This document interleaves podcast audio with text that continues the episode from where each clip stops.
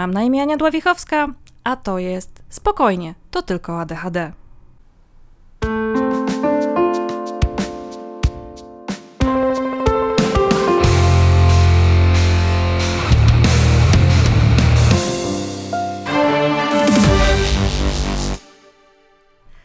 Dzisiaj w odcinku szóstym mała zmiana tematu. E, miało być o hormonach, miała być kontynuacja poprzedniego odcinka, wszystko miałam poukładane w głowie, ale nie jestem w stanie tego nagrać. Więc będzie bardziej odcinek osobisty, z moimi refleksjami, tak myślę. Od jakiegoś czasu jednym z najczęściej zadawanych na grupach wsparcia pytań jest: Kurczę, co mam zrobić? Leki przestały na mnie działać.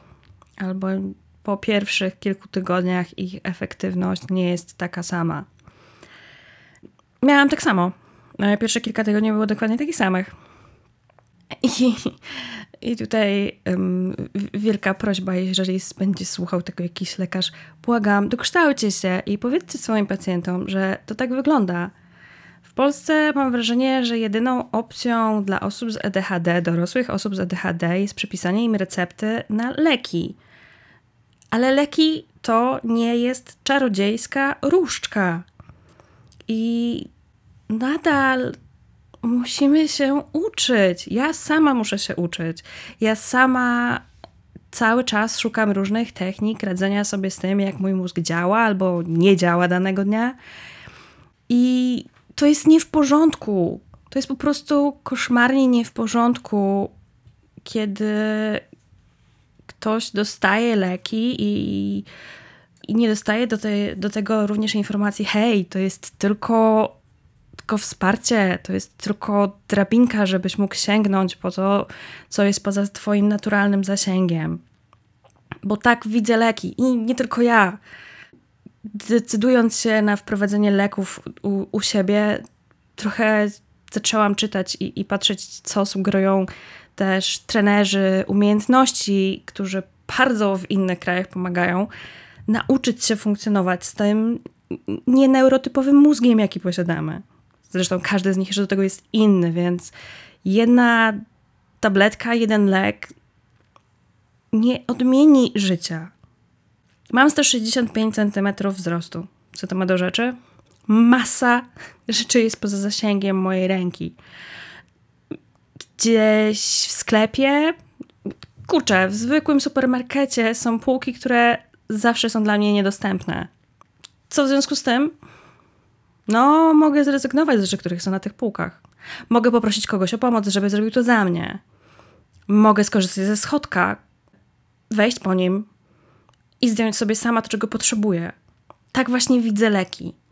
Tym są dla mnie. I mówię Wam to dzisiaj, w dniu, w którym miotam się od nastawienia mam dosyć. Mam dosyć tego, że nie ogarnia mojego życia, mam dosyć tego, że dogania mnie rzeczywistość i zaległości i jest mi koszmarnie wstyd z tego powodu, bo kiedyś wszystko ogarniałam i wiem, że mogę to zrobić i wiem, jak mam to zrobić, ale na końcu tego dnia mam ochotę z powrotem od tego uciec. Leki nie załatwią moich problemów. Leki nie poproszą o pomoc za mnie. Leki nie nauczą mnie, jak zapobiegać takim sytuacjom. Leki nie są tym, co zabezpiecza mnie przed gubieniem portfela. Swoją drogą, coś, czego nigdy, coś, co mi się nigdy nie przytrafiło. Dlaczego? Bo obsesyjnie sprawdzam, gdzie go mam można to zrobić lepiej. Naprawdę można. Jak dostałam diagnozę, to miałam takie, hej, zaraz, moment, ale przecież ja ogarniałam swoje życie przez większy czas. Większość tych 38 lat, no, dawałam sobie radę. Nawet na niektórych ludziach robi to jakieś wrażenie zawodowe na przykład. Ale mam tak, że muszę zawsze zrozumieć czemu i czy na pewno ta diagnoza była dobra. Więc zaczęłam rozkładać na kawałki swoje wspomnienia. Zaczęłam sprawdzać wskazówki dla dechadowców, e, techniki e, zasugerowane, żeby lepiej sobie radzić z masą rzeczy, które, kurczę, dla neurotypów są zazwyczaj proste, podobno. Dla mnie nie zawsze. Wiecie co? Mnóstwo technik ułatwiających stosowałam. Stosowałam nie wiedząc, że to jest właśnie najlepsze rozwiązanie. I, i doszłam też do paru bardzo paradoksalnych wniosków. Jeden z najdziwniejszych dla mnie do, do tego momentu to to, że nie znoszę się dostosowywać do innych i nie lubię z góry narzuconej struktury. Ale z drugiej strony potrzebuję, żeby moje życie miało strukturę. Jest to jeden z powodów, dla którego wiele lat dawałam radę. Miałam strukturę z zewnątrz, której nie lubiłam, za którą zapłaciłam cenę we własnym zdrowiu. Ale gdybym wiedziała, jak mogę, jak mogę zarządzać sobą lepiej, zdrowiej i efektywniej, kiedyś, od początku, od studiów, może dzisiaj już nie musiałabym mierzyć się co drugi dzień z tym, że się boję, że sobie nie dam rady. Może umiałabym lepiej, może mogę gdybać, ale zdecydowałam się na coś innego. Zdecydowałam, że będę brać swoje leki. Będę dokładała wszelkich starań, żeby codziennie poświęcić 10 minut na medytację że będę testować wszystkie techniki i wracać i sprawdzać i, i kombinować, żeby moje życie było takie, jak ja chcę. Co z tego, że mnie nie zdiagnozowano jako dziecko? Co z tego, że nikt mnie tego nie nauczył? Teraz wiem. I teraz to jest moja odpowiedzialność.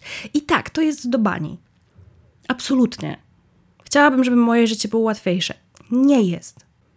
Jest taki, jaki jest i mogę zrobić to, co mogę zrobić. Mogę podjąć decyzję, że będę próbować z całych sił.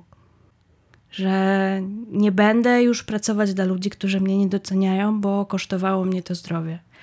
Że będę otwarcie mówić o tym, że zmagam się z problemami takimi jak moje ADHD. Nie dlatego, że to jest wytłumaczenie. To nie jest to nie jest usprawiedliwienie w szkole. Nie, po prostu działam inaczej. I część ludzi może to zaakceptować, część tego nie zaakceptuje. Ja ich nie będę zmuszać do tego. To nie jest warte. Już nie jest warte absolutnie przekonywanie kogoś do siebie. Ostatnio wróciłam do czytania Brené Brown, którą Wam szalenie polecam.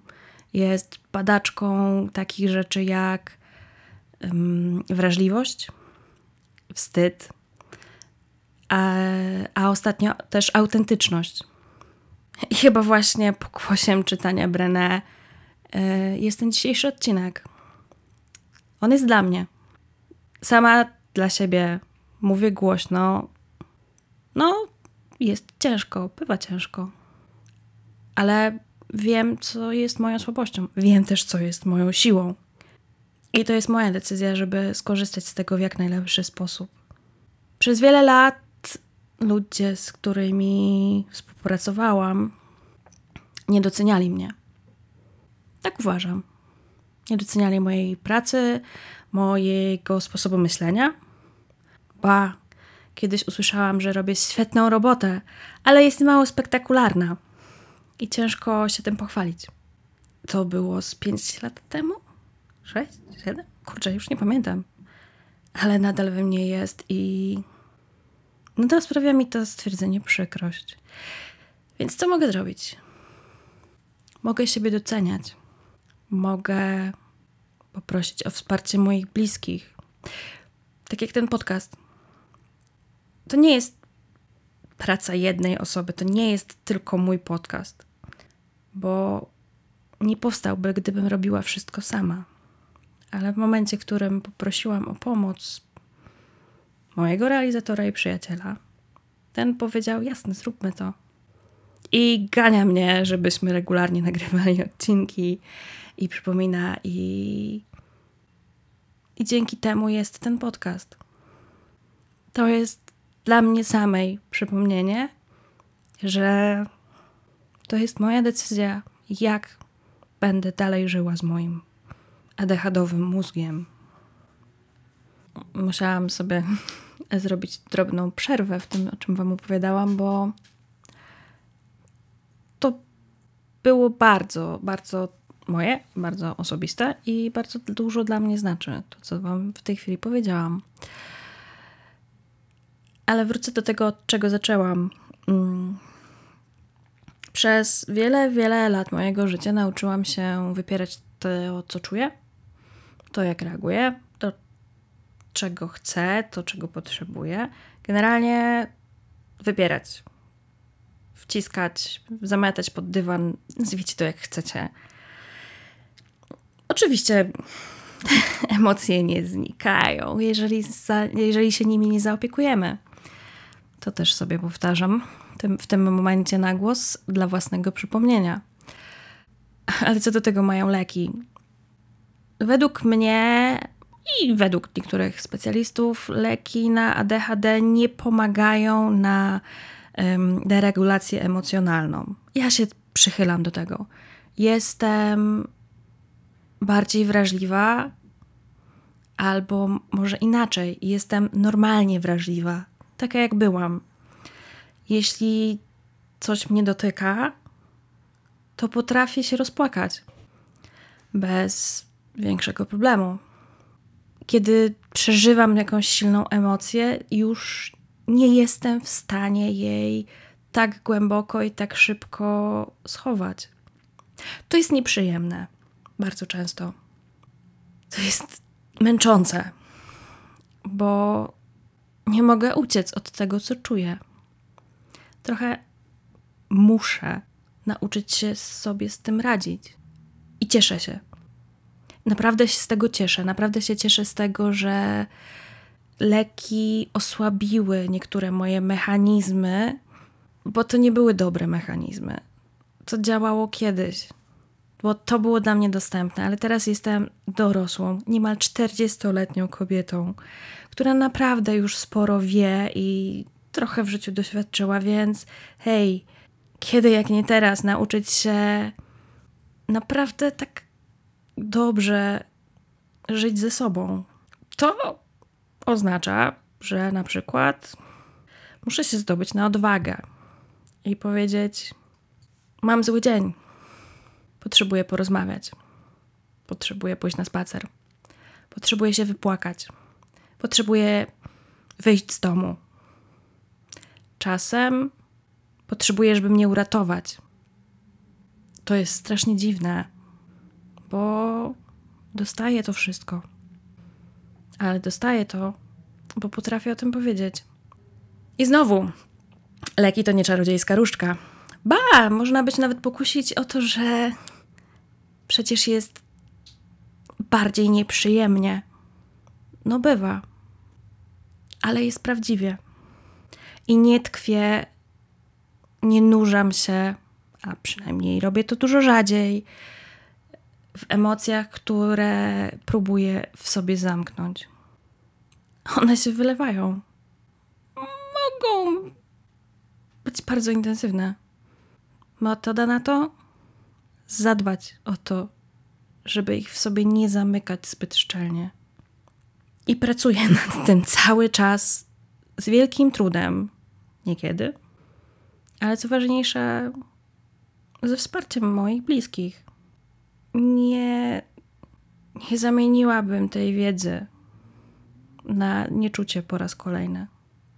Jedyne co, to chciałabym to wszystko wiedzieć wcześniej bo autentyczne i świadome życie jest trudne, ale żyję. Naprawdę. I nie chcę, po prostu nie chcę nigdy więcej już z tego rezygnować. To wymaga pracy. To wymaga powtarzania sobie, że się uda. Czasami wymaga poproszenia, żeby ktoś mi powiedział: dasz radę, albo powiedzenia mi: hej, odpuść sobie, dzisiaj sobie zrób wolne. Myślę, że nigdy się nie przestanę tego uczyć.